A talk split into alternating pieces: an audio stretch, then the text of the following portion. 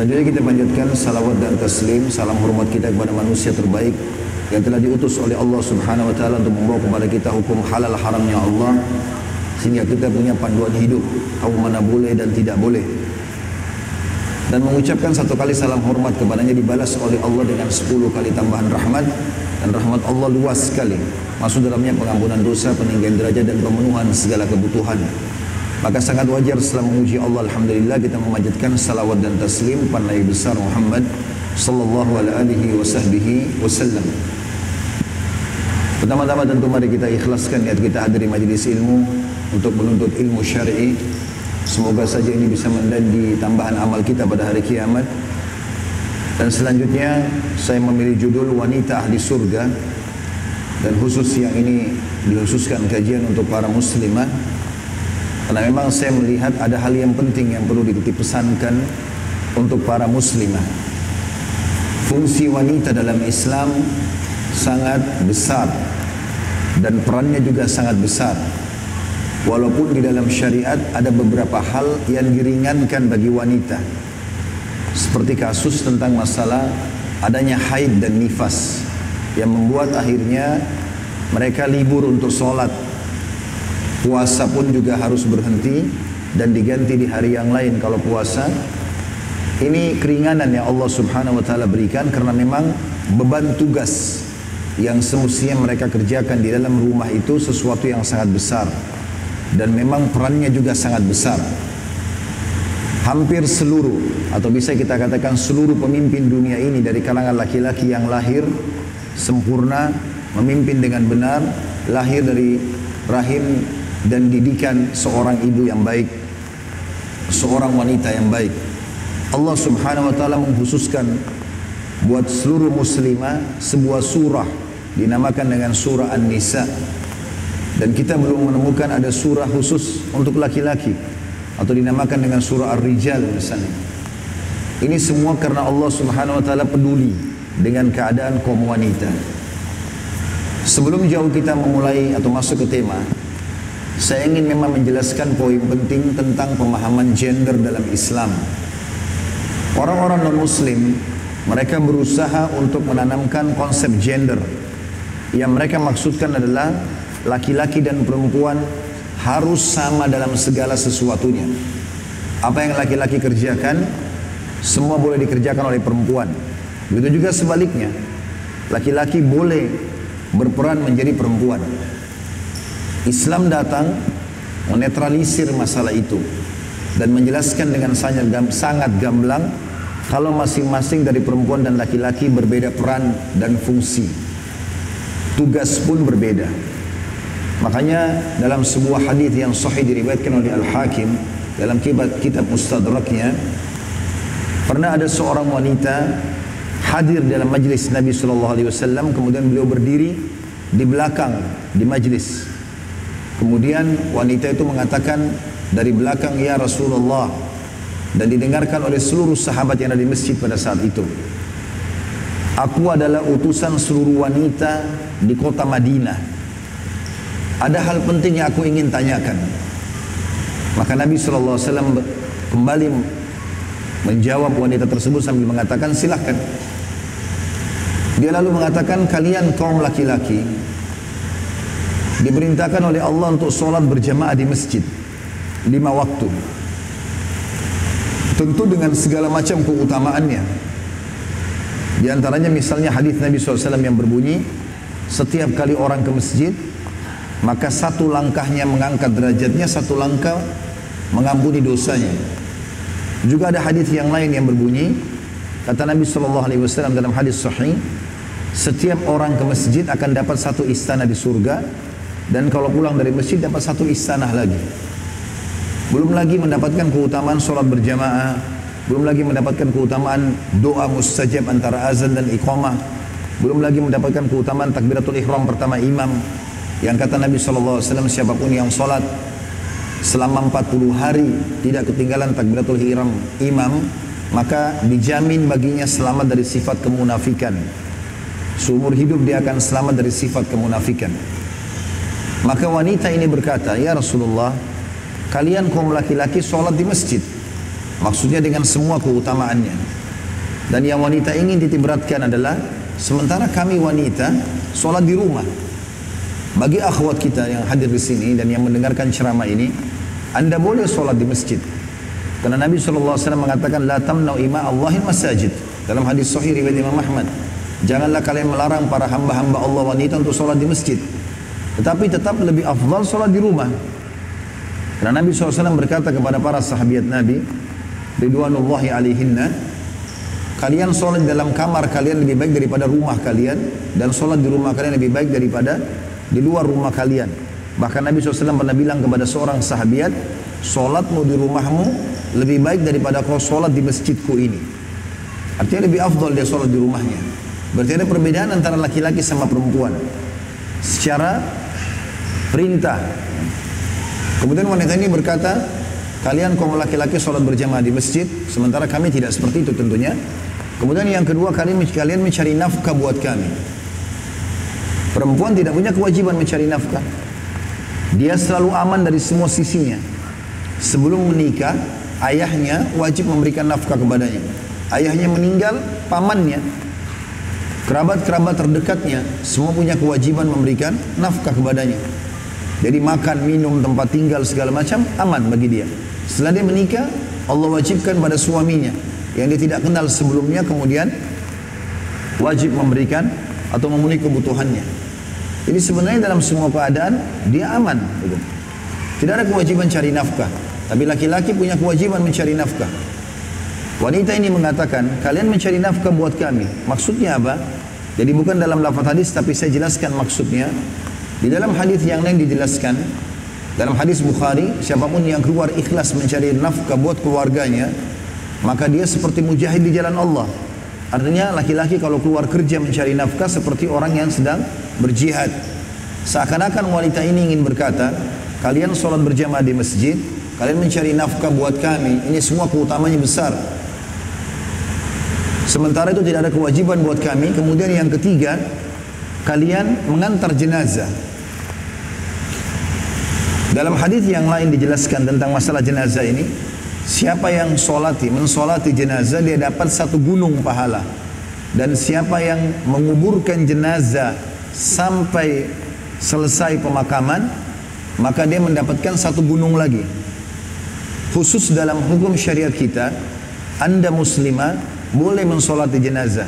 Tapi untuk mengantar jenazah ini masih banyak pendapat ulama melarangnya.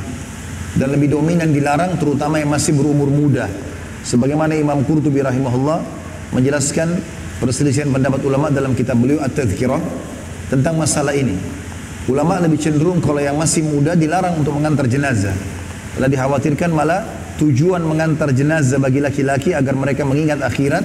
Tapi kalau ada wanita-wanita di situ yang masih muda mungkin menjadi fitnah bagi mereka, maka bisa menghilangkan tujuan utama itu. Berarti wanita boleh sholat jenazah tapi tidak dianjurkan mengantar jenazah dalam syariat kita. Tapi ziarah kubur boleh, khusus mengantar jenazah saja. Sementara tadi hadis menjelaskan siapa yang sholat jenazah dapat satu gunung pahala, siapa yang mengantar jenazah sampai dimakamkan dapat satu gunung pahala. Wanita ini berkata apa ya Rasulullah, kalian kaum laki-laki mengantar jenazah. Khusus mengantar jenazah yang dibahas. Artinya kalian dapat satu gunung pahala nih. Sementara tidak ada anjuran bagi perempuan untuk itu. Dan yang terakhir yang keempat kalian berjihad di jalan Allah, berperang. Kaum laki-laki punya kewajiban mempertahankan agama Allah, pergi berperang. Kaum wanita tidak, sunnah muakkad bagi mereka. Artinya bahkan Nabi SAW mengatakan jihad bagi wanita adalah haji Nabi SAW tidak menganjurkan, tapi kalau ada yang mau ikut diizinkan. Karena sering kali Nabi SAW dalam setiap peperangan membawa antara 10 sampai 20 orang sahabat untuk memasak, mengobati orang yang luka dan segala macam. Tetapi tidak semuanya disuruh. Yang ingin maka diizinkan. Itu pun Nabi SAW memilih mereka. Jadi seakan-akan wanita ini bilang, kalian pergi berperang, terbunuh di tangan musuh, kalian mati syahid, masuk surga tanpa hisab, diampuni semua dosanya. Sementara laki perempuan tidak ada kewajiban untuk jihad. Jadi saya ulangi dari awal lafaz hadisnya. Kata wanita ini, Ya Rasulullah, aku adalah utusan seluruh wanita di Madinah dan aku punya sesuatu yang ingin aku sampaikan. Kata Nabi SAW, silahkan. Dia mengatakan kalian kaum laki-laki sholat berjamaah di masjid, mencari nafkah buat kami, mengantar jenazah, dan berjihad di jalan Allah. Sementara kami wanita, sementara kami wanita itu mengurus rumah kalian, mengurus anak-anak kalian, memenuhi kebutuhan kalian, masakan, ya, kebutuhan rumah, pakaian, segala macam, dan menjadi tempat syahwat kalian. Maka pertanyaan saya Rasulullah, apakah pahala kami dengan pahala kalian sama? Ini yang paling penting yang ingin ditanyakan oleh sahabat tadi. Kita beda tugas. Maka apakah beda tugas ini tetap dibalas sama pahalanya oleh Allah? Maka Nabi SAW menghadap ke sahabat-sahabat laki-laki lalu berkata, ada enggak pertanyaan dalam Islam yang lebih penting daripada ini? Artinya Nabi SAW bertanya kepada para sahabat Nabi laki-laki di sini, kira-kira ada pertanyaan lebih penting enggak dalam masalah ini? Maknanya, kalau semua laki-laki dan perempuan memahami tugas dan fungsi juga kewajiban masing-masing, maka akan aman kehidupan masyarakat. yang sering mengacaukan adalah kalau laki-laki ingin jadi perempuan, perempuan ingin jadi laki-laki. Atau mengambil alih fungsi dan tugas satu sama yang lain. Maka ini berbahaya sekali. Tidak akan stabil kehidupan masyarakat. Maka Nabi SAW balik menghadap ke sahabat itu lalu berkata, pulanglah dan sampaikan kepada seluruh wanita yang kau temui kalau pahala kalian sama. Kalau pahala kalian sama. Jadi beranjak daripada hadis ini saudariku muslimah, semua apa yang anda kerjakan di rumah, apa pun sifatnya, itu adalah bagian daripada syariat. Sebagaimana laki-laki kalau mengerjakannya di luar rumah yang merupakan tugas dan kewajiban dia. Oleh karena itu Allah juga memberikan perbedaan dasar di fisik. Perempuan secara umum lebih lemah secara lebih, lebih lemah dari laki-laki secara fisik. Laki-laki kekuatan, memiliki kekuatan lebih. Mungkin karena memang dia butuhkan di luar untuk mencari nafkah, mengantar jenazah, sholat berjamaah, segala macam. Itu juga dengan lembut kulitnya, beda laki-laki sama perempuan. Perempuan memang lembut, memang terbiasa dia di dalam ruangan, di rumah. Memang lebih banyak ya interaksi dengan rumah itu. Sementara laki-laki kena interaksi di luar. Saya dengan seluruh muslim laki-laki mungkin tidak membutuhkan hand body, tidak membutuhkan sunblock, tidak membutuhkan yang hal-hal seperti itu. Tapi kalau wanita sedikit keluar maka bisa membutuhkan masalah itu. Ini sudah ada secara fitrah bukti nyata, argumentasi jelas kalau perempuan memang tempatnya berbeda dengan laki-laki fungsinya pun berbeda, tugasnya berbeda, gitu kan. Sebagaimana juga ada hal-hal yang Allah berikan perempuan tidak mungkin laki-laki miliki. Seperti kasus hamil, menyusui, tidak mungkin laki-laki bisa melakukan itu walaupun banyak orang yang berusaha operasi kelamin, tapi mereka tidak akan pernah bisa melakukan itu. Karena memang Allah Subhanahu wa taala telah bebankan itu. Oleh karena itu keringanan-keringanan syar'i seperti misalnya beban tidak ada sholat ya, atau hilangnya beban sholat pada saat sedang haid jadi kalau akhwat kita di sini pasti lebih mengerti dari saya tentang masalah jumlah hari kalau haid. Biasanya antara 6 sampai 7 hari. Ada 4, kadang-kadang ada 5, tapi umumnya 6 sampai 7 hari. Kalau kita hitung 7 hari masa haid normalnya wanita, berarti dalam satu bulan ada 7 hari yang tidak sholat. Sementara laki-laki tidak punya itu. Mereka harus panjang umurnya sholat. Kita bicara yang sudah balik. Laki-laki dan perempuan yang sudah balik. Kalau kita pertemukan antara laki-laki berumur 60 tahun dan perempuan berumur 60 tahun, kalau mau dihitung secara kuantitas jumlah sholatnya, karena laki-laki tidak ada haidnya, maka selama 60 tahun anggaplah 15 tahun masa sebelum haid, berarti dari 60 kalau dikurangi 15 sisa 45 tahun. 45 tahun dia sholat terus. Perempuan 45 tahun itu dikurangi seperempatnya karena ada masa haidnya. Seperempat itu kalau kita bagi 45 tahun, dibagi seperempat kurang lebih 11 tahun sekian. Yang tidak sholat. Tetapi Allah dengan kemahaadilannya, karena memang membedakan antara tugas dan fungsi laki-laki dan perempuan, tetap bisa memberikan pahala yang sama dengan cara tugas-tugas yang lain. Tugas-tugas yang lain. Maka ini dulu terlebih dahulu saya ingin jelaskan tentang masalah konsep gender. Memang Islam datang membedakan fungsi dan tugas. Begitu juga secara fisik. Memang berbeda. Kulit, rambut, segala macam. Laki-laki dan perempuan berbeda. Gitu. Memang Allah SWT ciptakan seperti itu. Dan ini sekaligus membantah perkataan para orientalis yang berusaha untuk merusak citra Islam dan merusak pemikiran sebagian muslimah yang mengatakan perempuan harus sama dengan laki-laki. Oleh karena itu boleh berdesak-desakan di jalan umum, berdesak-desakan di tempat kerja, melakukan kegiatan-kegiatan laki-laki, bahkan berpenampilan seperti laki-laki pun boleh. Sementara dalam Islam jelas dibedakan. Bahkan Nabi SAW mengatakan Allah melaknat perempuan yang menyerupai laki-laki dan laki-laki yang menyerupai perempuan. Pakaiannya pun tidak boleh, cara jalannya tidak boleh, semuanya tidak boleh. Berarti memang ada beda. Tetapi Allah dengan kemahadilannya menyamakan dari sisi balasannya. Allah berikan balasan yang sempurna. Jadi walaupun akhwat kita kurang jumlah solatnya dibandingkan laki-laki, tetap Allah berikan pahala yang lebih dibandingkan dengan laki-laki. Misal dengan cara melahirkan, menyusui, mendidik anak, mengurus rumah, semua itu jangan dianggap remeh. Oleh karena itu jangan diubah fungsi ini supaya kehidupan dan tatanan masyarakat bisa berjalan dengan baik. Teman-teman sekalian, karena berbeda fungsi dan kewajiban, maka perlu kita titik beratkan tentang tugas-tugas wanita itu sendiri. Tetapi saya tidak akan terlalu panjang lebar merincikan itu karena sangat banyak. Saya akan kerucutkan ke wanita ahli surga. Artinya kita simpulkan wanita yang memang berhasil menjalani kehidupan dunia ini sehingga mereka masuk menjadi ahli surga nantinya. Saya akan buka pembicaraan ini teman-teman beranjak daripada sebuah hadis yang sahih riwayat Muslim dan juga Imam Al-Hakim. Yang arti hadis ini, pemuka ahli surga dari wanita dunia ada empat. Pemuka ahli surga dari wanita dunia ada empat. Lalu Nabi SAW sebutkan empat orang ini. Maryam binti Imran, ibunya Nabi Isa alaihissalam. Yang kedua, Fatimah binti Muhammad, anak Nabi wasallam. Yang ketiga, Khadijah binti Khuwailid, istri Nabi SAW yang pertama. Kemudian Asia binti Milhan. Dan ini adalah istri Fir'aun yang beriman. Sebelum saya rincikan juga hadis ini, teman-teman sekalian, kita harus juga menggarisbawahi judul kita wanita ahli surga Kalimat surga ini juga perlu dititik beratkan dulu. Karena surga adalah merupakan target utama setiap mukmin dan mukminah. Setiap orang di antara kita walaupun dia belum dengar surga atau dia belum membacanya, kalau ditanya apakah Anda ingin masuk ke sebuah istana yang luas, indah, pelayannya banyak, ya, buah-buahannya banyak, karpetnya melintang luas, dipan-dipannya empuk, segala macam hal fasilitas, orang jawabannya itu mau saja diberikan gitu kan?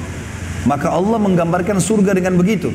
Ada lautan ada sungai dari susu dari madu ya, dari uh, anggur minuman anggur yang tidak memabukkan dan dari air tawar yang manis istana-istana yang menjulang tinggi ke langit bahkan kata Nabi SAW siapa pun yang masuk surga tidak akan habis masa mudahnya karena dia tidak akan bertambah umurnya walaupun hari terus berjalan di dalam hadis lain kata Nabi SAW ahli surga berumur 33 tahun. Keperawakan mereka seperti Adam 60 siku ke langit. Tidak akan habis masa mudanya, tidak akan rusak bajunya dan juga tidak akan pernah merasakan sakit selamanya. Dalam riwayat lain, siapa yang masuk ke surga, dia tidak akan pernah meludah, beringus, ya. Sakit maksudnya, kemudian tidak akan pernah buang air besar dan buang air kecil.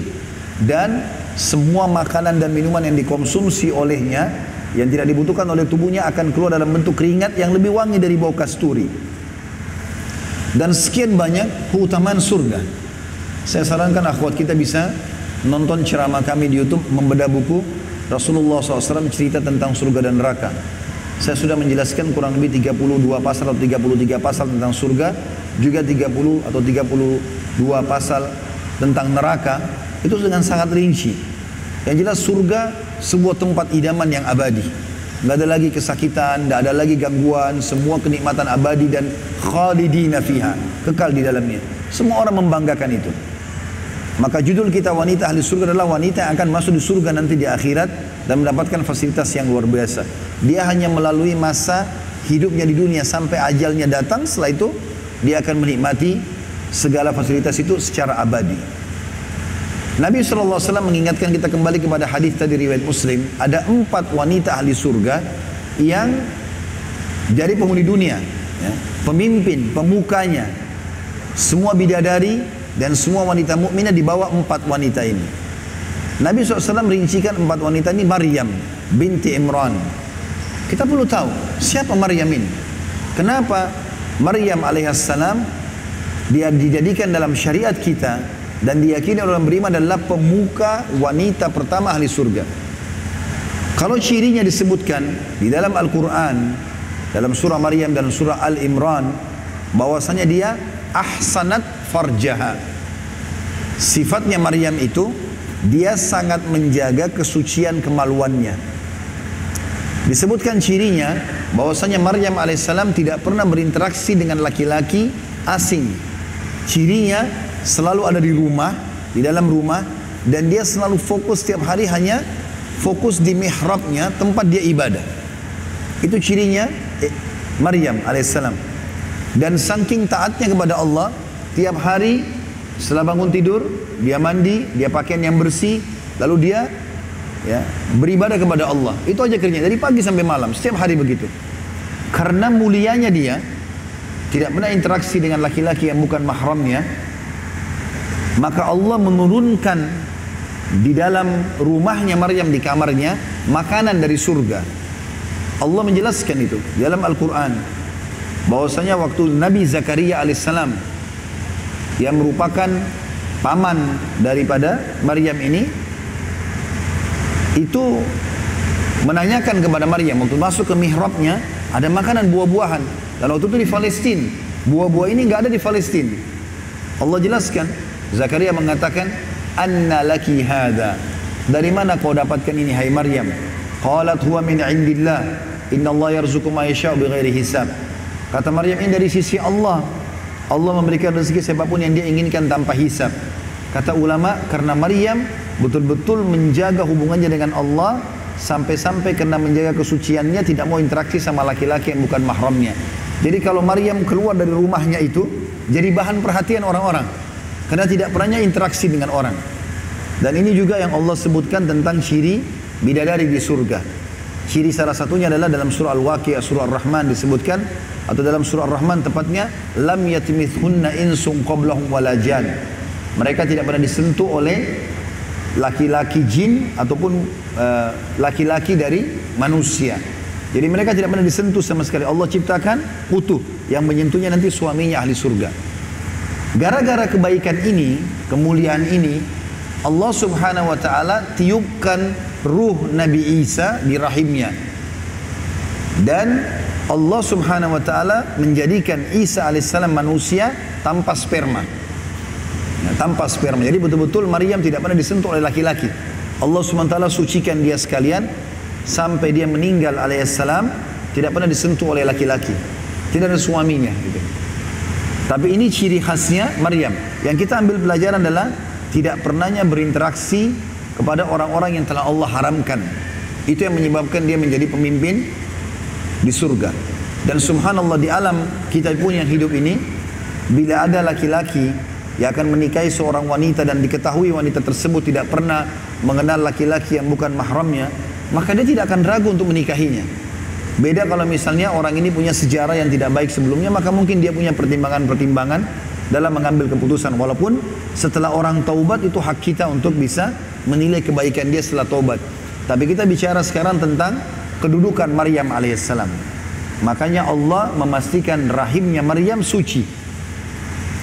Dilahirkanlah juga laki-laki yang suci.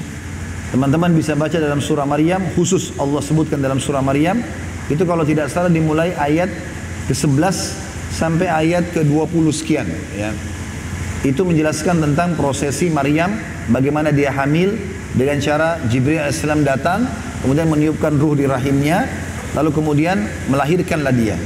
Dan saking tidak pernahnya dia interaksi sama orang-orang, Sampai waktu dia keluar dalam kondisi perutnya pun besar, dia takut jangan sampai orang menilai dia berzina. Karena dia hamil.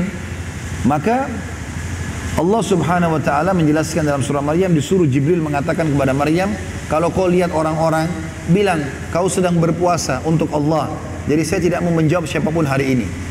Sampai dia melahirkan, dia bawa bayinya, orang-orang di negerinya semua bertanya, Wahai Maryam, dari mana kau bisa seperti ini? Bawa bayi. ayahmu bukan orang jahat, ibumu bukan seorang pelacur.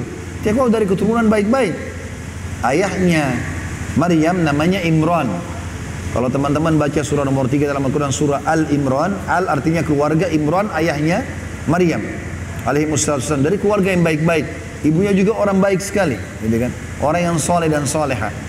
Maka dari mana kau bisa dapat bayi ini? Maka Maryam disuruh oleh Allah SWT oleh Jibril tunjuk bayi itu, suruh dia bicara. Maka bicaralah Isa AS dalam buayan. Ini yang membuat Maryam AS menjadi pemuka pemimpin wanita di surga. Karena dia menjaga kehormatannya. Ingat saudariku muslimah, kapan anda menjaga hubungan dengan baik,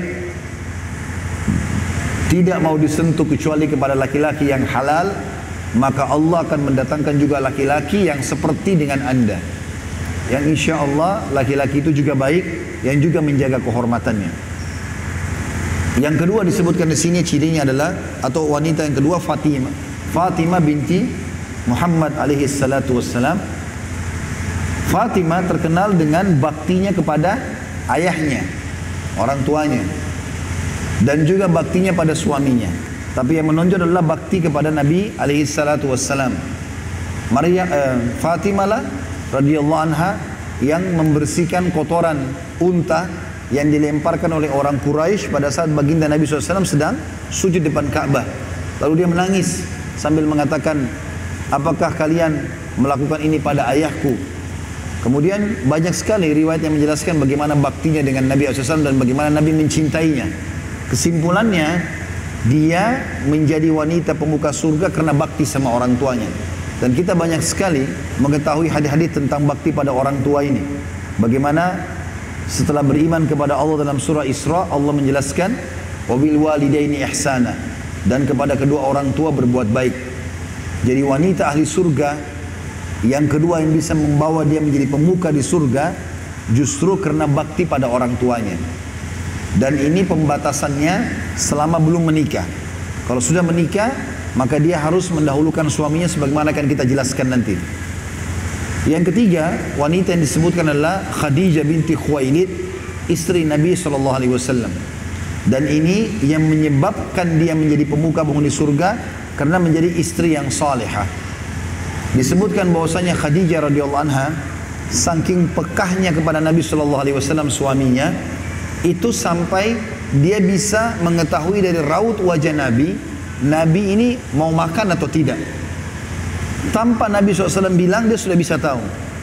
Hadis yang masyur menyebutkan masalah adalah hadis Bukhari. Pada saat Nabi SAW masuk ke dalam rumahnya, kemudian Khadijah melihat Nabi SAW dari raut wajah, dia tahu kalau Nabi mau makan. Maka Khadijah pun pergi ke rumah ke dapurnya untuk menyiapkan makanan. Lalu dalam hadis ini dikatakan Jibril alaihissalam datang kepada Nabi SAW dan mengatakan wahai Muhammad sebentar lagi istrimu Khadijah ini akan datang untuk membawa makanan kesukaanmu. Maka makna hadisnya karena perbuatannya itu sampaikan salam Allah kepadanya dan sampaikan salamku kepadanya Jibril alaihissalam dan sampaikan dia akan mendapatkan istana di surga khusus karena sikap baiknya sama suaminya ini yang tidak ada kebisingan dan keributan. Kata ulama hadis, apa yang dimaksud Khadijah radhiyallahu anha mendapatkan istana tanpa kebisingan?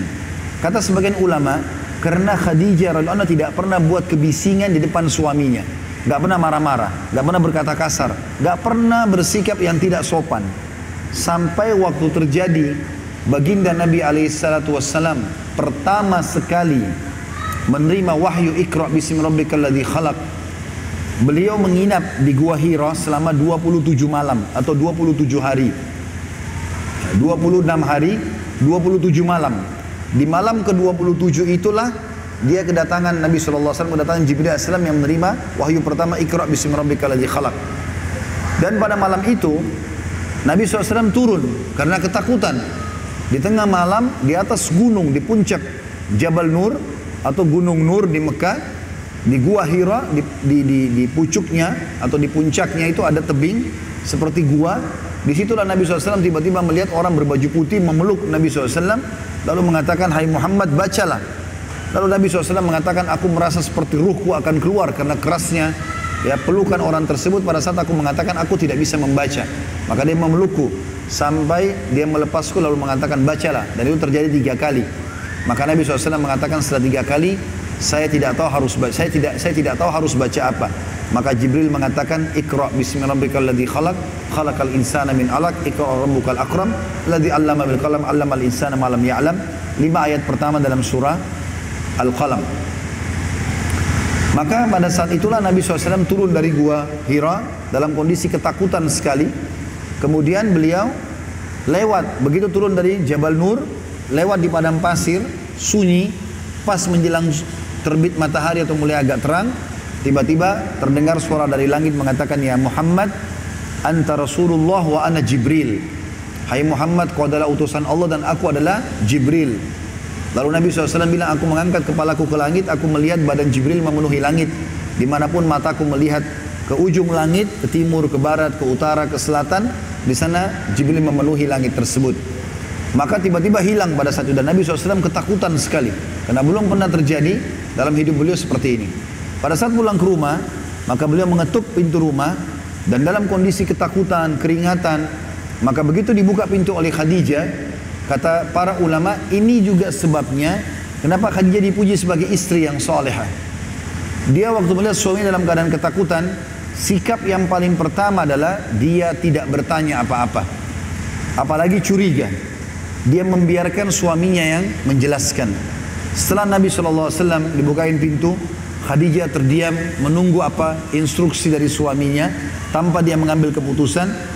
Maka tiba-tiba Nabi SAW mengatakan Zammiluni, Zammiluni. Selimutilah aku, selimutilah aku. Sampai turun surah Al-Muzammil. Maka pada saat itu Khadijah membungkus Nabi SAW dengan selimut Menuntun Nabi SAW sama-sama ke tempat tidur. Kemudian dengan sangat tenang Setelah Nabi SAW tenang Khadijah duduk di sebelahnya Dan menunggu suaminya cerita apa. Barulah Nabi SAW menceritakan Wahai Khadijah telah datang kepadaku ya, sosok makhluk yang bersayap. Lalu ceritakanlah apa yang terjadi. Pada saat dalam kondisi panik, kondisi pada saat itu sekarang pun kalau ada orang menceritakan bertemu dengan makhluk yang besar bersayap, mungkin orang tidak bisa percaya. Dengan adanya medsos pun dan itu tidak mungkin terjadi. Tapi di zaman dulu mungkin lebih sulit orang percaya.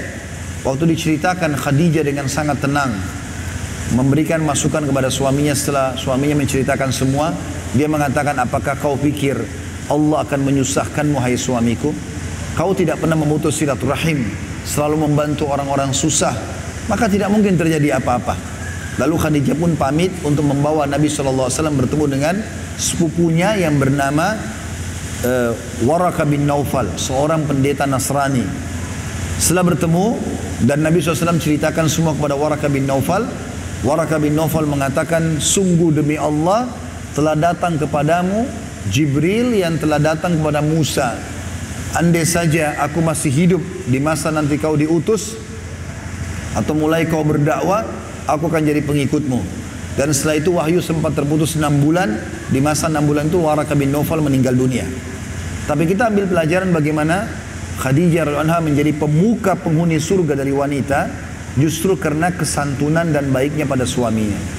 Kalau akhwat kita bisa memberikan ketenangan jiwa pada suami, dalam masuk ke dalam rumah, kapan dia istirahat, kapan dia ngobrol, didengarkan, kapan dia menyampaikan, diterima dan seterusnya, maka dia akan merasa nyaman dan pasti dia akan selalu terbuka, apalagi kebutuhannya bisa dipenuhi sebagaimana akan kita jelaskan nanti insya Allah. Tapi ini masalah Khadijah binti Khuwailid istri Nabi SAW sampai dijanjikan istana di surga tanpa kebisingan justru karena kesantunan pada suami. Dan yang terakhir adalah Asia binti Minhan. Asia adalah istri Fir'aun yang telah beriman kepada risalah anak angkatnya Musa alaihissalam. Dan pada saat itu dia menyembunyikan keimanannya dan pada saat dia melihat salah satu pembantunya disiksa oleh Fir'aun bersama dengan anak-anaknya dimasukkan ke minyak yang panas maka dia pun tidak tahan, maka dia mengungkapkan keimanannya di hadapan Fir'aun. Fir'aun karena marah pada Asia, maka dia pun menyiksa istrinya sendiri. Ditaruh di bawah terik matahari, lalu dicambukin, disiksa, sampai seluruh tubuhnya penuh dengan darah. Kemudian setelah itu, karena dia merasa atau dia tahu dia akan mati, Asia, dia pun mengangkat kepalanya ke langit sambil berkata, Ya Allah, sebagaimana Al-Quran menceritakan, Rabbi ibni li, Rabbi ibni li baitan fil jannah, Ya Allah bangunkanlah untukku istana di surga, maka sebagian ulama tafsir mengatakan Allah pun pada saat dia melihat ke langit memperlihatkan istananya di surga. Karena dia lihat maka dia pun tersenyum. Maka Fir'aun mengatakan sungguh wanita ini sudah gila. Bagaimana dia saya siksa dan akan saya bunuh tapi dia masih tersenyum. Lalu Fir'aun menyuruh untuk membunuh istrinya. Disuruh prajurit untuk membunuh istrinya. Maka terbunuh mati syahidlah Asia. Dan gara-gara keimanannya dan kekokohannya dalam keimanan ini. Sampai terbunuh di jalan Allah. Maka Allah menjadikan dia pemuka wanita ahli surga. Kita akan masuk lebih dalam saudaraku seiman tentang masalah ciri wanita ahli surga. Kalau tadi itu empat orang sudah kita sebutkan kenapa mereka jadi pemuka ahli surga. Sekarang kita akan coba masuk yang uh, bertujuan atau tujuannya agar akhwat kita bisa menerapkan dalam kehidupan. Saya menyusun kurang lebih ada tujuh poin ciri yang merupakan sebab masuknya atau wanita bisa menjadi ahli surga. Yang pertama tentu ini sudah disepakati oleh umumnya ulama adalah beriman kepada Allah. Beriman kepada Allah. Dan Allah menyebutkan itu dalam surah Al-Baqarah ayat 221. A'udzu billahi minasyaitonir rajim. Wala amatum mu'minatun khairum min musyrikatin walau a'jabatkum. Sungguh hamba sahaya perempuan yang beriman lebih baik daripada perempuan musyrikah meskipun dia wanita musyrikah itu menarik hatimu. Juga Nabi SAW bersabda tentang wanita yang beragama atau beriman agar dipilih menjadi seorang istri. Sebagaimana dalam hadis yang masyhur, hadis yang diriwayatkan oleh Imam Bukhari, tungkahul mar'atu li arba'ah limaliha wali hasabiha wali jam wali wa wali diniha Fadfar bidatid din taribat yadak. Artinya wanita umumnya dinikahi karena empat perkara. Yang pertama karena hartanya. Ada orang mau menikahi wanita karena dianggap wanita ini kaya. Dia ingin mengambil manfaat dari situ. Umum ada orang begitu. Ada juga orang menikah karena jalur keturunannya wanita itu. Dianggap wanita ini jalur keturunannya mulia. Maka dia menikah karena itu. Dan ada juga orang menikah yang ketiga karena kecantikan saja paras wajah, warna kulit, tinggi badan dan segala macam. Dan yang keempat ada juga orang menikahi wanita karena agamanya. Lalu Nabi mengatakan dan utamakanlah wanita yang memiliki agama dan taat, maksudnya beriman, maka niscaya hidupmu akan tenang. Makna taribat yadak bisa bermakna beruntung, bisa bermakna juga hidupmu akan bahagia dan tenang. Dari sini kita lihat bahwasanya wanita yang beriman dalam Al-Baqarah tadi 221 dan dalam hadis Bukhari dijelaskan adalah wanita yang paling layak untuk dijadikan sebagai pasangan dan wanita ahli surga tentunya. Ya, wanita yang beriman adalah wanita yang masuk ke dalam atau yang beriman akan masuk ke dalam surga. Dan ini sudah umum, laki-laki pun tentu syaratnya harus beriman. Karena Aisyah pernah bertanya radhiyallahu anha kepada Nabi SAW tentang seorang wanita, seorang laki-laki di Mekah yang baik sekali dia suka bersedekah, dia suka silaturahim, dia suka membantu orang susah, tapi nggak pernah beriman. Cuma terkenal sangat baik di Mekah. Maka Aisyah mengatakan ya Rasulullah bagaimana dengan dia? Kata Nabi Shallallahu Alaihi Wasallam, ya, tidak ada gunanya karena dia tidak pernah beriman kepada Allah. Memang syarat untuk beriman, syarat masuk surga adalah beriman. Nabi SAW juga mengatakan dalam hadis Bukhari Muslim, lan tadkhulul jannat hatta tu'minu. Kalian tidak akan pernah masuk surga sampai kalian beriman. Itu syarat utamanya. Maka ciri wanita ahli surga yang pertama beriman kepada Allah. Tentu beriman ini teman-teman saudari muslimah adalah betul-betul menanamkan keimanan dalam hati ya. Dan rukun iman sudah kita tahu ada enam. Kita harus yakin ada Allah dan taati semua perintah tinggalkan larangannya. Harus yakin ada malaikat yang mengawasi kita dan ditugaskan oleh Allah. Kemudian kita harus yakin ada kitab-kitab yang turun dari langit. Ya, ada kitab uh, suhuf Nabi Ibrahim turun kepada Ibrahim alaihissalam, ada kitab Taurat kepada Musa alaihissalam, ada Zabur kepada Daud alaihissalam, ada Injil kepada Isa alaihissalam dan ada Quran kepada Nabi Muhammad alaihi wassalam. Kemudian kita juga beriman tentang adanya nabi-nabi dan rasul.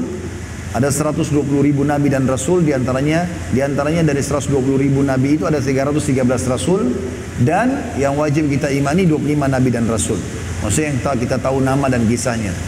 Kemudian Beriman tentang hari kiamat, yakin akan ada kematian, ada alam barzah, ada kebangkitan hisab hari kiamat dan surga dan neraka. Dan yang terakhir yakin dengan takdir Allah yang baik dan buruk. Ini baru dikatakan beriman. Kalau teman-teman hanya sekedar sholat, hanya sekedar puasa, baca Quran, ibadah-ibadah yang kita kerjakan, itu dia masih dikatakan muslim. Kalau dia tidak ikuti dengan keyakinannya ada Allah di situ.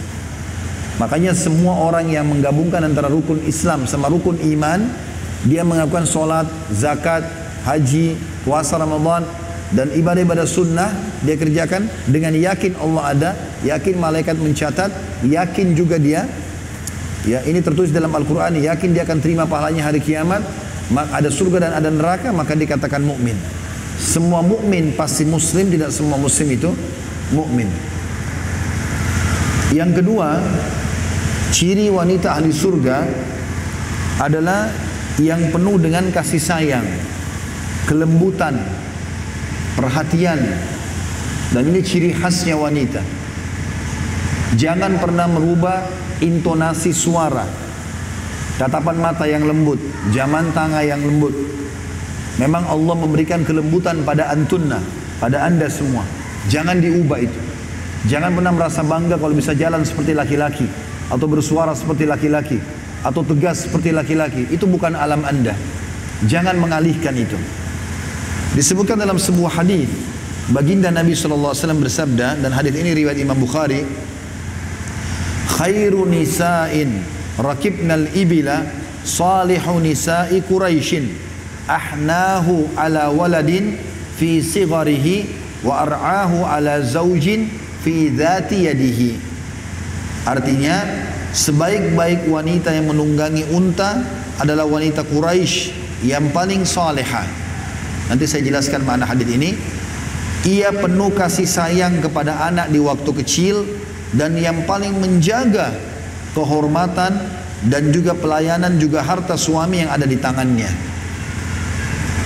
Hadis ini kata ulama yang dimaksud dengan wanita Quraisy ini menunjukkan tentang keutamaan wanita Quraisy. Memang umumnya kata ulama wanita Quraisy lebih baik daripada wanita yang lainnya. Karena memang Quraisy adalah suku Nabi alaihissalam. Dan ciri mereka adalah mereka sangat penyayang. Kita bisa lihat itu. Bila ada wanita muslimah memiliki anak, kemudian dia sangat baik sama anaknya, sabar, dia ramah, dia merangkulnya dengan penuh kasih sayang, maka itu cirinya. Ya. Tapi kalau ada seorang wanita yang sibuk, setiap kali ada kesalahan sedikit menghukum, menghardik, apalagi sampai memukul, itu luar biasa. Tidak layak sama sekali untuk menjadi pasangan hidup. Saya pernah menyaksikan beberapa wanita, wa billah, sangat kasar. Sedikit saja anaknya meminta sesuatu harus dipukul, harus dimarahin, harus dicubit.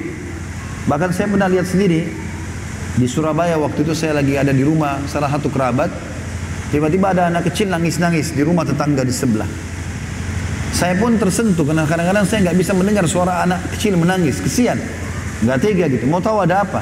Saya berdiri, saya keluar, ternyata ada satu anak kecil lagi dipegang tangannya satu oleh ibunya dan diangkat. Anak ini masih kecil dan dibawa anak itu sumur sambil si ibu ini memukulnya. Saya tidak tahu pelanggaran apa yang anak itu buat sampai sekejam itu. Tapi ada orang seperti itu, subhanallah.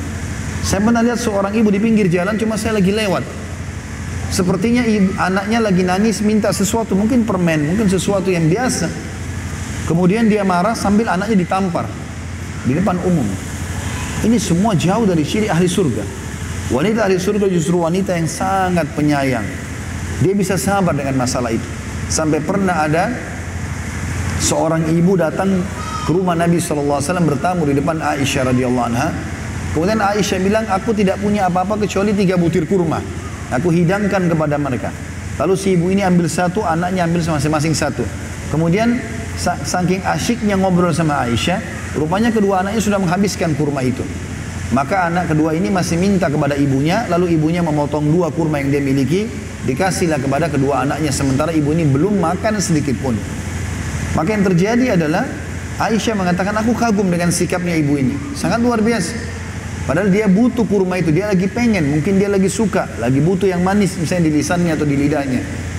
Maka setelah pulang, ibu itu, Nabi SAW masuk ke rumah, Aisyah menceritakan, Ya Rasulullah, tadi ada tamu begini sifatnya. Kata Nabi SAW, perbuatannya ibu itu kepada anaknya, mendahulukan anaknya makan tadi yang dia butuhkan, cukup untuk membawa dia dalam masuk ke dalam surga. Kasih sayang kepada anak kelihatan. Ada saatnya anak-anak kita marahin kalau memang salah. Tapi bukan berarti setiap saat. Apalagi hanya pelanggaran-pelanggaran yang kecil saja. Maka ini harusnya diperhatikan tentunya. Dan ini menjadi ciri yang disebutkan oleh baginda Nabi alaihi salatu wassalam. Kemudian yang ketiga, tentu di sini ada dua hal yang disebutkan ya. Di dalam hadis tadi ini, masalah dia berkasih sayang dengan anaknya dan berkasih sayang juga dan cinta kepada suaminya serta menjaga amanah atau harta suaminya. Tapi nanti masalah rumah tangga kita akan masukkan di poin yang ketujuh nantinya. Di sini umumnya adalah berkasih sayang. Orangnya selalu lembut. Kita dengarkan kalau dia berbicara suaranya lembut. Tangannya kalau menjamah ramah. Kakinya kalau jalan juga lembut, semuanya santun. Maka ini ciri wanita ahli surga. Dan di sini tentu tidak ada beda antara gadis dan perawan. Ya.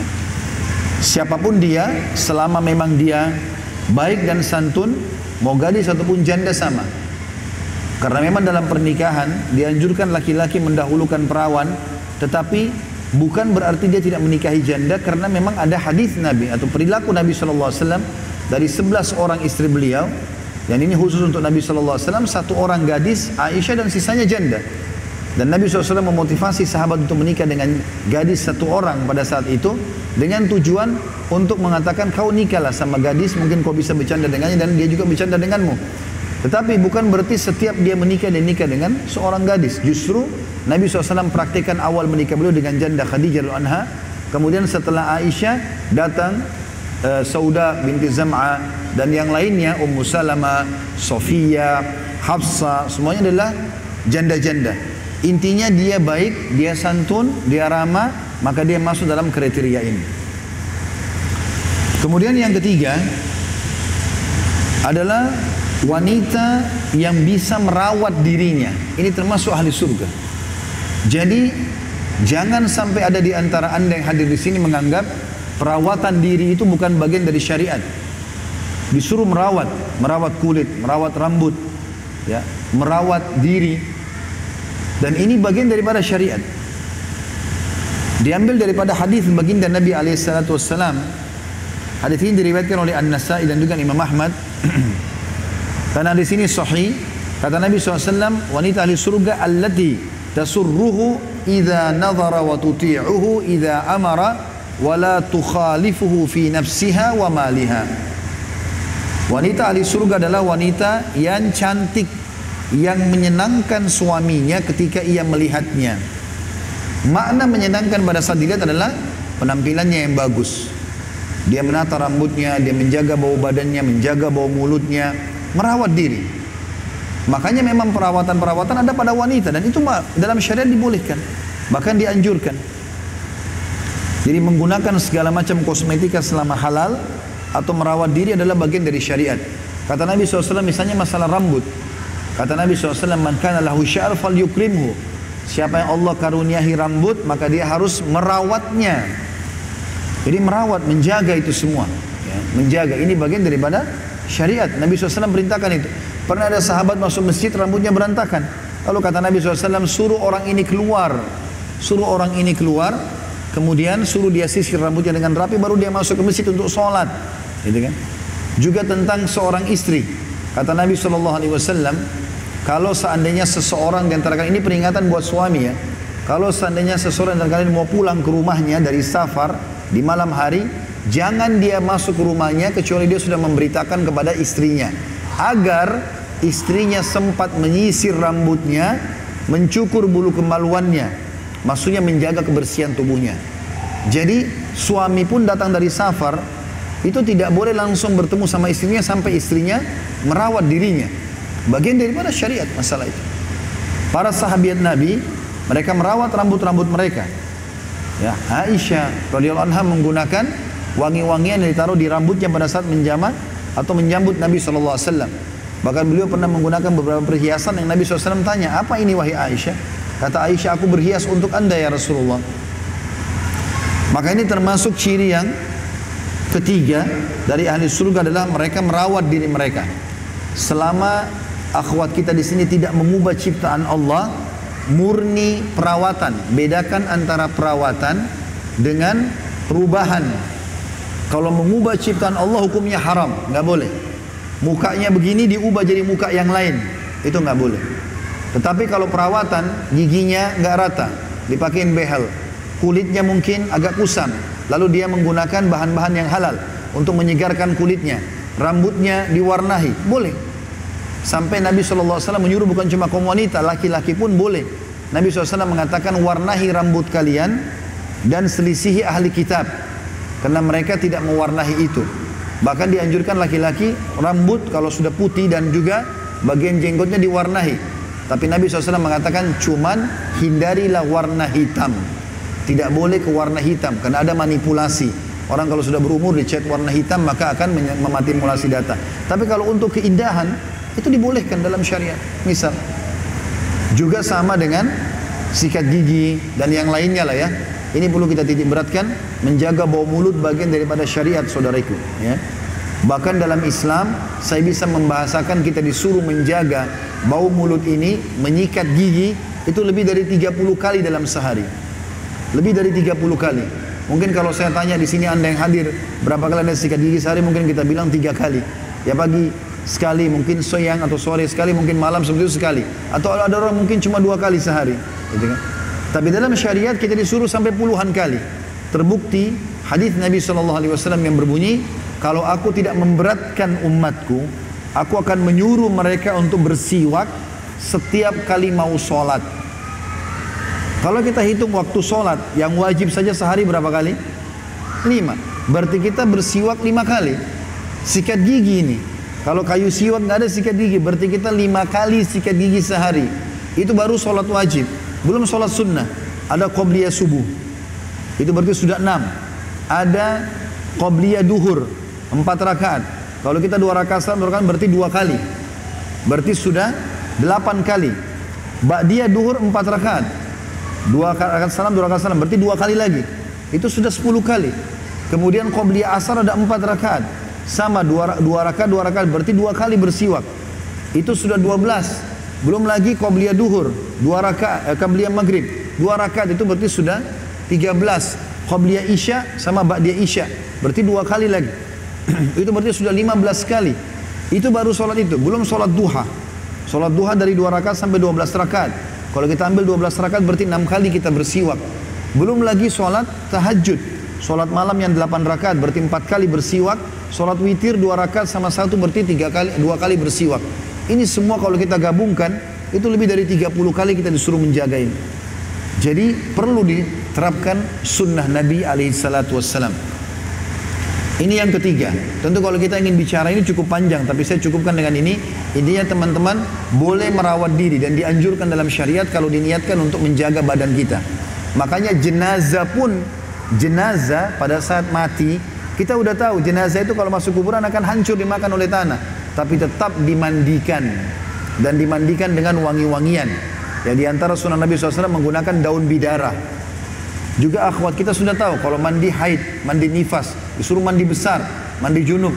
Dan sunnahnya, maaf ini mencebok dengan daun bidara. Sebagaimana Nabi SAW itu ajarkan kepada Aisyah, Aisyah ajarkan kepada para sahabat Nabi untuk menggunakan air bidara dalam membersihkan kemaluan. Mungkin sekarang mungkin dengan daun siri dan yang lainnya, intinya itu semua adalah bagian daripada syariat. Dan orang yang mengamalkan ini berarti mengamalkan syariat tentu menjadi ahli surga, ya. Kemudian juga yang keempat adalah wanita yang selalu patuh. Ya. Patuh dalam arti kata kepada orang-orang yang sudah Allah perintahkan untuk patuh. Kalau sebelum menikah berarti orang tuanya, kalau sudah menikah berarti suaminya. Ya. Karena dikatakan dalam lanjutan hadis tadi masih hadis yang sama, wa tuti'uhu idza amar. Dan dia patuh kalau diperintahkan. Coba belajar akhwat sekalian, belajar untuk patuh. Dalam arti kata, selama instruksi yang disampaikan kepada ukti, kepada anti, ya, itu bukan maksiat kepada Allah. Selama dari ayah atau orang tua ibu dan ayah dan dari suami, selama bukan maksiat kerjakan saja. Dan itu akan membuat orang yang ada di sekitar Anda untuk mencintai Anda pasti. Semua suami kalau mengatakan tolong buatin saya ini, tolong temani saya ini, istri yang mengatakan baiklah, semuanya baiklah, maka yang ada adalah cinta dan kasih sayang. Itu juga dengan orang tua. Dan ini syariat Allah Subhanahu wa taala, syariat Allah Subhanahu wa taala. Kita jangan membangkang akhwat sekalian kecuali kalau sudah berbau maksiat. Selama tidak kerjakan demi mengejar pahala dari Allah Subhanahu wa taala. Itu yang keempat. Dan yang kelima adalah masih lanjutan hadis wala tukhalifu fi nafsiha wa maliha dan dia tidak mengkhianati suaminya dalam dirinya maupun hartanya. Nanti kita jelaskan ini di poin ketujuh ya. Mungkin ini saya sendirikan saja. Kita masukkan nanti di poin ketujuh. Kita masih sampai poin keempat sekarang. Masalah diperintahkan dia akan patuh. Poin kelima adalah wanita yang subur. Tentu di sini kita tidak bisa menyalahkan kalau ada wanita yang mandul itu kuasa Allah SWT. Tapi umumnya wanita subur makna lainnya adalah wanita yang mau melahirkan banyak. Itu termasuk wanita ahli surga. Sebagaimana hadis Nabi Shallallahu Alaihi Wasallam, seluruh laki-laki diperintahkan dalam hadis Hasan Sahih riwayat Abu Daud, tazawwajul wadudal walud, fa inni mukathirun mukathirun bikumul umam. Menikahlah dengan wanita yang wadud dan walud. Wanita yang penuh dengan kasih sayang, lemah lembut, santun, ramah, ya, penyabar. Ini semua masuk dalam masalah kalimat wadud dan juga walud, wanita yang melahirkan atau subur, ya. Karena ini akan memperbanyak populasi manusia, makin banyak anak, maka makin secara otomatis memiliki keturunan yang akan mendoakan dia. Setiap kali wanita menghadapi masa kehamilan, berarti itu masanya kata sebagian ulama seperti laki-laki yang sedang berjihad. Karena terbukti kalau dia mati syahid di medan perang, maka secara otomatis dia akan eh, kalau dia mati semasa, dalam proses melahirkan dia mati syahid. Sebagaimana dalam hadis sahih dijelaskan. Maka berarti masa melahirkan atau masa hamil itu adalah masa seperti orang yang sedang berjihad kalau kaum laki-laki. Pahalanya sangat besar. Jangan pernah menerima persepsi negatif yang mengatakan kalau banyak anak maka nanti akan e, berubah tubuhnya, nanti akan begini dan begitu itu keliru. Bahkan ada penelitian saudariku si iman yang membuktikan kata sebagian ulama Allah tidak menjadikan wanita muda melahirkan kecuali Allah berikan atau gantungkan juga tambahan kesehatan pada melahirkan itu. Saya melihat sendiri dan mungkin teman-teman bisa menyaksikan itu. Kalau masih ada keluarga kita orang-orang tua yang masih hidup, saya lihat mertua kakak saya di Surabaya itu hari, Masya Allah umurnya dia meninggal kurang lebih mungkin, kalau saya tidak salah 5-6 tahun yang lalu. 5-6 tahun yang lalu dia meninggal dunia. Tapi saya melihat kalau tidak salah dia meninggal di umur 80 atau hampir 90 tahun. Itu dalam kondisi matanya masih terang, fisiknya masih kuat. Dan subhanallah anak-anak dia semuanya sampai anaknya yang paling tua itu umurnya lebih bahkan mungkin seumur dengan ayah saya. Kakak anaknya yang paling tua. Itu masih sering datang dan semua anaknya sering datang berbakti kepada dia. Dan kalau orang melihat orang mengira anak tertuanya itu adalah suami dia. Subhanallah kata kakak saya sampai umur 60 tahun dia masih haid ibu itu. Karena suburnya. Dan salah satu yang disebutkan ciri yang saya tangkap diceritakan oleh kakak saya saya hubungkan dengan teori syar'i adalah ibu ini banyak sekali melahirkan dan subhanallah Allah buktikan karena dia menerima takdir Allah itu, Allah berikan anak-anak dia belasan orang dari rahim dia sendiri, itu semuanya berbakti dengan dia. Dan berapa banyak pahala yang dia dapatkan karena semua yang lahir itu, apa pun yang dikerjakan oleh anak kita, kita panen pahalanya. Makanya Nabi SAW mengatakan kalian akan mendapatkan pahala dari semua yang kalian usahakan dan ketahuilah anak kalian adalah usaha kalian. Jadi walaupun kita tidak mendidik anak, Tapi kapan anak itu menjadi orang baik, orang tuanya panen pahalanya. Misal dia sholat, misal dia tutup aurat, dia baca Quran, apa saja, orang tua akan panen pahalanya. Dan ini sebuah hal yang harus difahami baik-baik. Maka persepsi yang ditanamkan oleh sebagian orang ke tengah-tengah lingkungan muslimah, jangan punya anak kecuali dua, ya, atau anak dua, dua anak cukup saja sehingga dia tidak mau melahirkan nanti badanmu berubah nanti orang begini nanti suamimu tidak suka ini semua tidak benar persepsi tidak benar dan fitrah sekali alami sekali semua laki-laki karena mereka Allah berikan sperma yang merupakan intisari daripada manusia semua laki-laki itu berharap punya anak banyak kuasa Allah subhanahu wa ta'ala maka dia akan selalu bangga dengan istrinya memiliki keturunan itu Makanya disebutkan cirinya adalah al-walud. Itu yang kelima. Yang keenam adalah wanita penyabar. Wanita penyabar. Dan ini diambil daripada hadis Bukhari. Ibnu Umar radhiyallahu menceritakan bahwasanya Nabi SAW pernah bersabda, maukah aku tunjukkan kepada kalian ahli surga? Atau laki-laki Ibnu Umar mengatakan, maukah kalian aku tunjukkan ahli surga kepada murid-muridnya? Kata mereka tentu. Kata Ibnu Umar, seorang wanita berkulit hitam yang pernah datang ke hadapan Nabi Wasallam dan dia kena penyakit epilepsi. Dia kena penyakit epilepsi, maka atau penyakit ayan biasa orang bilang. Maka wanita ini datang dan mengatakan ya Rasulullah, saya kena penyakit epilepsi ini. Maka berdoalah kepada Allah agar penyakit ini dihilangkan. Kata Nabi Wasallam, kalau kau ingin, aku akan mendoakan kau bisa sembuh. Tapi kalau kau sabar, maka aku akan masuk surga. Maka kata perempuan tersebut, saya akan bersabar. Lalu dia mengatakan, ya Rasulullah kalau begitu, saya kadang-kadang kalau lagi kambuh epilepsi saya itu, sering kali saya tersingkap auratnya.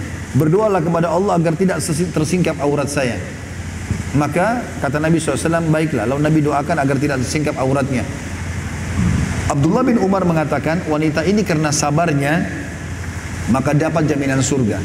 Jadi ukhti yang muslimah, fahamilah baik-baik.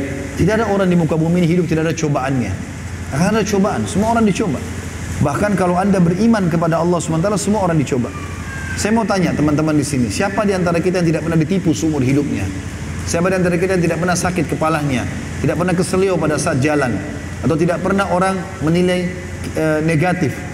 Semua teman-teman sekalian yang kita hidup, kita selama hidup dunia akan ada orang yang mengacungkan jempol, jempolnya dan ada yang mengacungkan juga ke bawah jempolnya. Sebaik apa pun kita menjaga itu. Karena Nabi SAW sendiri begitu keadaannya.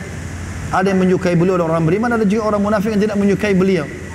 Banyak ulama-ulama salaf kita, mereka hidup, ada yang suka, ada yang tidak suka.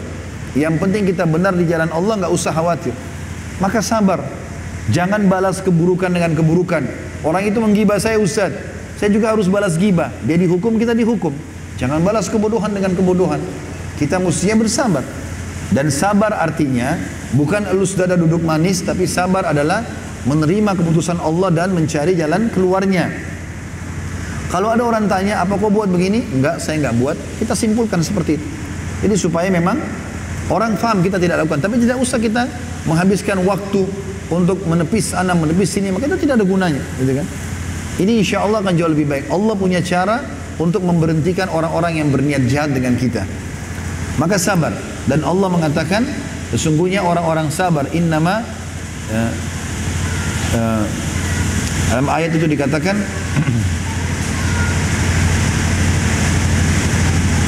Innama yulaqqas sabirun ajrun bighairi hisab. Sesungguhnya orang-orang yang sabar itu akan diberikan balasan tanpa ada hitung-hitungannya lagi. Kemudian yang terakhir dan ini yang saya titik beratkan nanti insya Allah adalah menjadi istri yang salehah. Ini sudah pasti. Bagi yang sudah menikah, maka dengarkan baik-baik wasiat ini. Dan bagi yang belum menikah, maka ini menjadi target kehidupan kita. Bagaimana setiap muslimah tidak boleh menunda pernikahan dan menjadikan pernikahan sebagai target utama dia.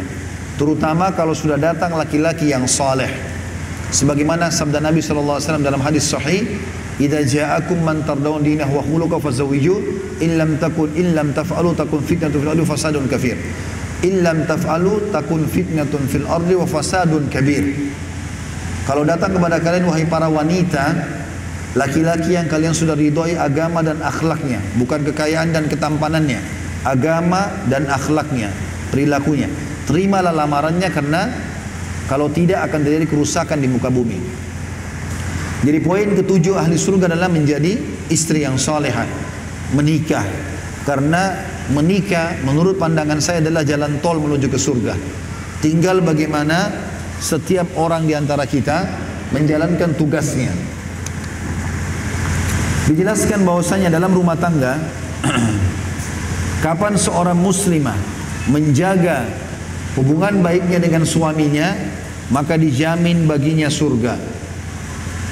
Kita dengarkan beberapa hal yang berhubungan dengan masalah poin tadi. Hadis Nabi Shallallahu Alaihi Wasallam yang berbunyi dan hadis ini diriwayatkan oleh Ibnu Hibban di nomor 4163 Idza sallatil mar'atu khamsaha wa shamat syahraha wa hafizat farjaha wa ata'at zawjaha qila laha udkhulil jannata min ayyi abwabil jannati syi'ti Jika seorang wanita melakukan solat fardunya lima waktu di sini tidak disebutkan solat sunnah qabliyah ba'diyah itu tambahan. Ya. berpuasa pada bulan Ramadan nggak disebutkan puasa sunnahnya puasa wajibnya saja. Sunnah juga tambahan.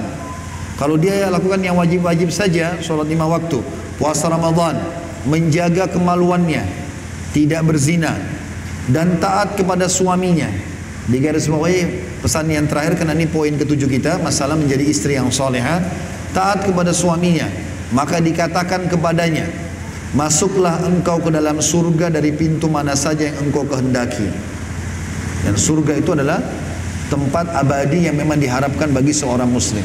Ini tidak ada bagi laki-laki. Laki-laki itu banyak sekali kewajiban yang harus dilakukan. Tapi para muslimah maka ini yang menjadi target utama. Bukan yang lainnya. Dari poin ini kita bisa ambil bahwasanya seorang muslimah atau seorang istri yang salihah yang patuh kepada suaminya dia mendapat jaminan surga juga dalam hadis dikatakan ada seorang wanita datang bertanya kepada baginda Nabi Shallallahu Alaihi Wasallam, ya Rasulullah, kebetulan wanita ini belum menikah. Kalau saya menikah, kalau saya menikah, apa yang harus saya berikan atau seperti apa hak suami saya yang harus saya berikan? Maka Nabi Shallallahu Alaihi Wasallam mengatakan, hak hakuz zauji ala zaujatihi allau kana bihi karhatun falahasatha ma'addat haqqah kewajiban seorang istri kepada suaminya sangat besar dan agung. Seandainya suaminya terluka lalu istrinya menjilati luka tersebut niscaya ia belum sempurna melakukan hak suaminya. Jadi maksudnya kalau kau menikah nanti lakukan maksimal apa yang bisa kau lakukan. Karena kalau seandainya luka suamimu pun luka bernana Kau bukan bersihkan dengan tisu atau kapas, kamu jilat dengan lidahmu pun, kata Nabi SAW, belum bisa kau berikan haknya. Mungkin di antara muslimah sini bertanya, kenapa Ustaz suami harus bisa seperti itu? Dan tidak ada hadis berlaku seperti ini pada ayah. Karena ayah kita, ayah penyebab kita ada di muka bumi ini. Artinya dia pemilik sperma, kita dari sperma dia. Maka wajar kita bagian dari tubuhnya dan dia menghormati menyayangi kita wajar kita pun menghormatinya wajar tapi kalau suami orang lain.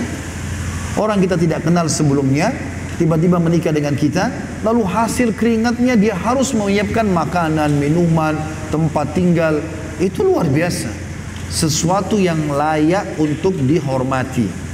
Sesuatu yang layak untuk dihormati.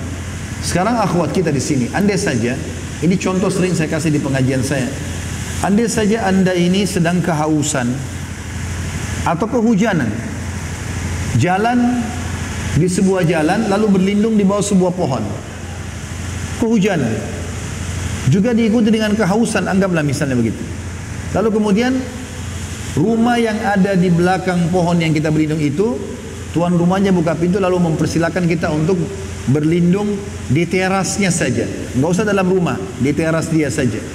Kemudian dia juga menghidangkan buat kita air dingin atau teh hangat misalnya. Setelah itu kita pergi setelah hujan. Saya mau tanya dan Anda jawab jujur. Andai saja setiap kali lewat di depan rumah itu, kita akan mengenang kebaikannya tidak? Pasti kita akan mengatakan, oh pemilik rumah itu baik sekali ya. Dulu pernah kasih saya teh hangat, dulu pernah saya hujan, tidak kena hujan, misal. Padahal dia cuma berbuat sekali saja. Pertanyaan sederhana, kenapa banyak istri yang tidak seperti ini?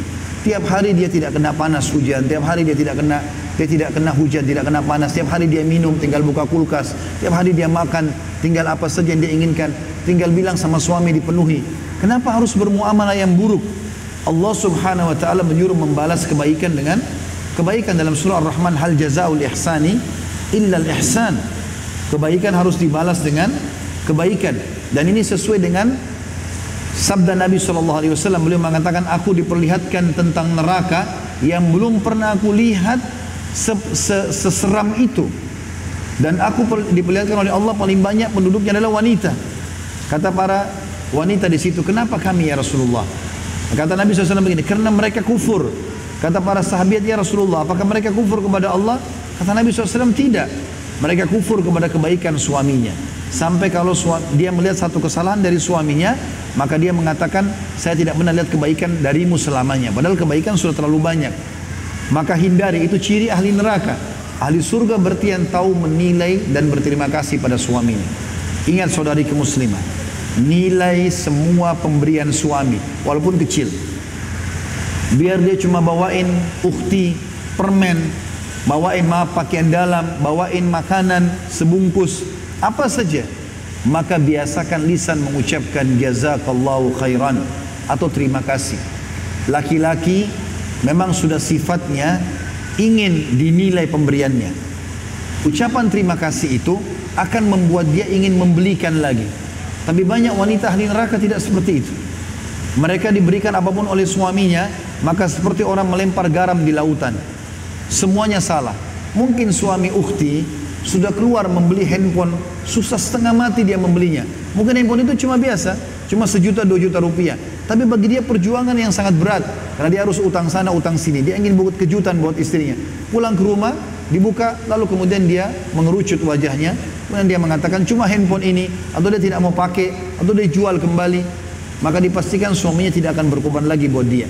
Tapi kapan pemberian walaupun kecil kita berterima kasih, maka itu akan mendatangkan perhatian ekstra dari suami. Maka ini tentu teman-teman sekalian harus diperhatikan tentang masalah taat kepada suami dan menilai kebaikan suami. Kemudian juga masuk dalam masalah rumah tangga ini bagaimana seorang muslimah tinggal di rumah dan tidak boleh keluar kecuali dengan izin suaminya. Allah berfirman dalam surah Al-Ahzab ayat 33, A'udzu billahi minasyaitonir rajim wa qarna fi buyutikunna wa la tabarrujna tabarrujal jahiliyatil ula. Dan hendaklah kamu menetap di rumahmu hai para wanita dan janganlah kamu berhias dan bertingkah laku seperti orang-orang jahiliyah dahulu. Kata Syekh Islam Ibn Taimiyah rahimahullah, seorang istri tidak halal keluar rumah kecuali dengan izin suaminya. Jika ia keluar tanpa izin suaminya, maka ia telah nusyud. Nusyud artinya pembangkangan, bermaksiat kepada Allah dan Rasulnya, serta berhak mendapatkan hukuman. Ini disebutkan dalam Majmu' Fatawa tentang masalah pentingnya patuh kepada suami dan tidak boleh keluar tanpa izin suaminya. Masuk dalam ini teman-teman sekalian adalah harusnya setiap muslim memenuhi kebutuhan biologis suaminya. Dia berhias, dia dandan dan bukan aib untuk menawarkan diri pada suami. Itu disebutkan oleh para ulama umum dalam buku-buku masalah rumah tangga. Istri mana pun yang menggoda suaminya, membuat supaya dia ingin mendekatinya dari bau wangi, tutur kata yang baik, dengan godaan-godaan yang positif selama itu kepada suaminya, maka itu akan mendapatkan keutamaan tersendiri. Sesuai dengan hadis yang dihasankan oleh para ulama, Nabi SAW bersabda, wanita ahli surga adalah wanita yang kalau kau lihat kepadanya, maka engkau akan merasa senang. Kalau kau perintahkan, dia akan patuh. Dan juga kalau uh, di, dia berikan amanah, maka atau harta dia akan menjaganya.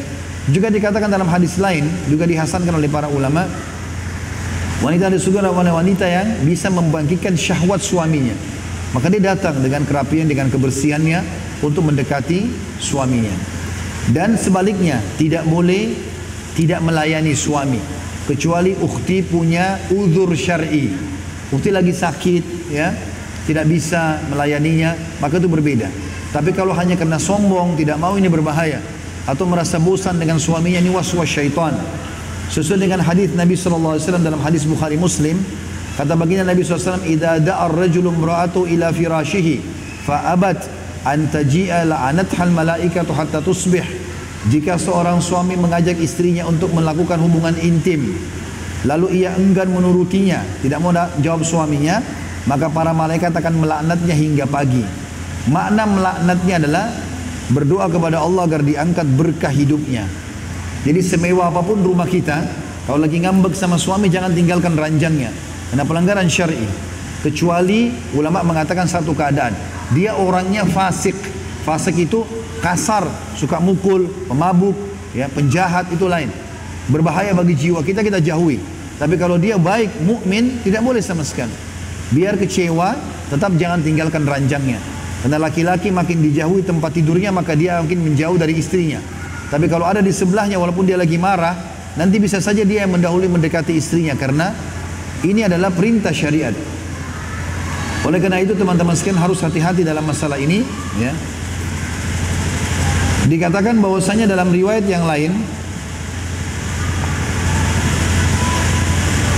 Pernah ada seorang wanita datang kepada Aisyah berkata, "Ya Rasul, wahai Aisyah, wahai Ummul Mukminin, bagaimana kami menghadapi suami pada saat kami lagi kesal. Begitu hadisnya. Kami lagi kesal. Bagaimana kami harus menghadapi suami yang sedang mengajak biologis? Apakah boleh kami menolak? Atau lagi tidak ada keinginan dalam hati untuk biologis? Kata Aisyah, kau akan berdosa. Kau akan berdosa. Ketahuilah, andai saja seorang wanita sudah berada di atas untanya, kalau kita di atas mobil sudah mau pergi, lalu suaminya panggil, maka dia wajib untuk datang menjawabnya. Artinya dia layani suaminya. Lalu perempuan itu mengatakan, bagaimana kalau kami sedang haid? Haid tidak boleh biologis. Maka kata Aisyah radhiyallahu anha, e, aku akan menceritakan pengalamanku dengan Nabi Shallallahu Alaihi Wasallam. Suatu hari aku pernah atau tiba giliran malamku dengan Nabi Shallallahu Alaihi Wasallam, maka aku sedang haid. Nabi pun masuk ke dalam rumah lalu kemudian memadamkan e, sumbu-sumbu. Biasanya beliau memadamkan lampu kalau mau tidur malam hari. Kemudian Nabi punya hajat ke masjid, beliau ke masjid. Lalu aku lama menunggu, aku tertidur, kata Aisyah. Kemudian aku buat adonan roti buat Nabi SAW yang pintu rumahku terbuka, masuklah seekor kambing yang memakannya. Adonan tersebut. Lalu enggak lama, Nabi SAW datang, kemudian mengatakan, Hai Aisyah, dihangatkan tubuhku karena aku sedang kedinginan. Waktu itu musim dingin. Kata Aisyah, ya Rasulullah, aku sedang haid. Kata Nabi SAW, merenggangkanlah kedua pahamu. Lalu Aisyah, lalu Nabi Aisyah pun merendangkan, lalu Aisyah, Nabi SAW pun meletakkan kedua pipi beliau di paha Aisyah radhiyallahu anha. Kemudian Aisyah melihat tadi kambing memakan adonannya, lalu dia berdiri, lalu ingin menangkap kambing tersebut. Kata Nabi SAW, biarkanlah dan jangan kamu marahi tetanggamu yang melepaskan kambing atau terlepas kambingnya itu. Artinya orang kalau sedang haid tetap boleh melayani suami. Yang tidak boleh hanya meletakkan kemaluan di kemaluan saja. Sebagaimana hadis sahih disebutkan dalam hadis Bukhari Muslim Kata Nabi SAW itu ditanya, Ya Rasulullah, apa yang bisa dilakukan seorang suami kepada istrinya yang sedang haid? Kata Nabi SAW, semuanya kecuali hubungan biologis di kemaluan. Tapi yang lainnya dibolehkan. Masuk dalam masalah ini adalah hadis Nabi SAW riwayat Bukhari. Kalau seorang wanita ada di, dicorong asap rumahnya, kemudian dipanggil oleh suaminya, maka dia harus datang menjawabnya. Maka dia harus datang menjawabnya. Juga masuk dalam masalah poin yang harus diperhatikan dalam rumah tangga saudariku muslimah tidak mengizinkan seorang pun masuk rumah tanpa izin suami. Dan ini perlu digarisbawahi walaupun itu adalah rumah Anda. Kalau misal seorang muslimah sudah beli rumah, ada uangnya dia beli rumah. Dia menikah dengan laki-laki yang tidak tidak kaya, ikut tinggal di rumahnya. Tetap hukum ini berlaku. Berlakunya adalah karena kedudukan dia sebagai suami. Kata Nabi sallallahu alaihi wasallam, di dalam hadis yang sahih riwayat Imam Muslim, "Wala ta'dhanil mar'atu fi baiti zawjiha wa huwa syahidun illa biidni." Janganlah seorang istri mengizinkan orang lain masuk di rumah yang dia bersama suaminya di saat suaminya hadir kecuali dengan izinnya. Sampaikan ada ibu saya mau datang, ada ayah saya mau datang dan seterusnya. Apalagi kalau itu rumah suaminya, ya. Kemudian poin selanjutnya adalah Tidak boleh berpuasa sunnah kecuali dengan izin suami. Sebagaimana hadis Nabi Shallallahu Alaihi Wasallam dalam hadis Sahih riwayat Bukhari Muslim, maaf riwayat Bukhari dan Tirmidzi juga Ibnu Majah. Kata Nabi SAW, La yahidu lil mar'ati an tasuma wa zawjuha syahidun illa biidnihi wa la ta'zana fi baitihi illa biidnihi. Tidak halal bagi seorang istri untuk puasa sunnah di saat suaminya hadir bersamanya kecuali dengan izinnya. Tidak halal pula baginya mengizinkan orang lain masuk ke rumah suaminya kecuali dengan izinnya. Jadi kalau ukti biasa puasa Senin Kamis, kemudian pada saat itu kebetulan suami lagi cuti hari Senin dan dia lagi di rumah, besok kalau mau puasa hari Ahadnya minta izin. Saya mau puasa besok, biasa saya puasa 40, saya puasa enggak? Kalau dia bilang enggak usah, dia minta ditemani makan, dia mau biologis, maka ibu wajib untuk tidak puasa. Juga masuk dalam poin ini tidak boleh menginfakkan harta suaminya kecuali dengan izin suaminya. Jadi kalau ada uang dikasih uang nafkah, nggak boleh dikeluarkan kecuali disampaikan kepada suami. Hal ini berdasarkan sabda Nabi Wasallam di dalam hadis Sahih riwayat ah, hadis Hasan riwayat Abu Dawud, Tirmidzi dan Ibnu Majah. Kata Nabi SAW, La tunfikul mar'atu syai'an min baiti zawjiha illa biidni zawjiha. Janganlah seorang istri menginfakkan sesuatu dari rumah suaminya kecuali dengan seizin suaminya. Jadi harusnya dia izin. Atau dari awal kalau ukti diberikan uang bulanan, maka bilang kalau seandainya ada orang miskin yang minta, ada orang yang butuh bantuan saya kasih ya. Kalau suami sudah mengatakan izin umum iya, nggak ada masalah. Ya, tapi kalau tidak, maka harus izin tentunya. Dikatakan dalam hadis lain kalau seandainya dia sudah izin ya, maka suaminya dapat pahala dan juga dapat pahala.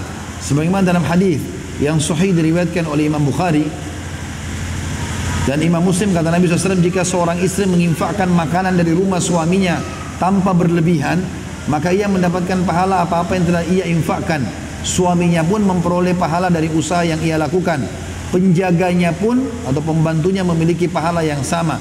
Masing-masing tidak mengurangi pahala dari yang lainnya sedikit pun.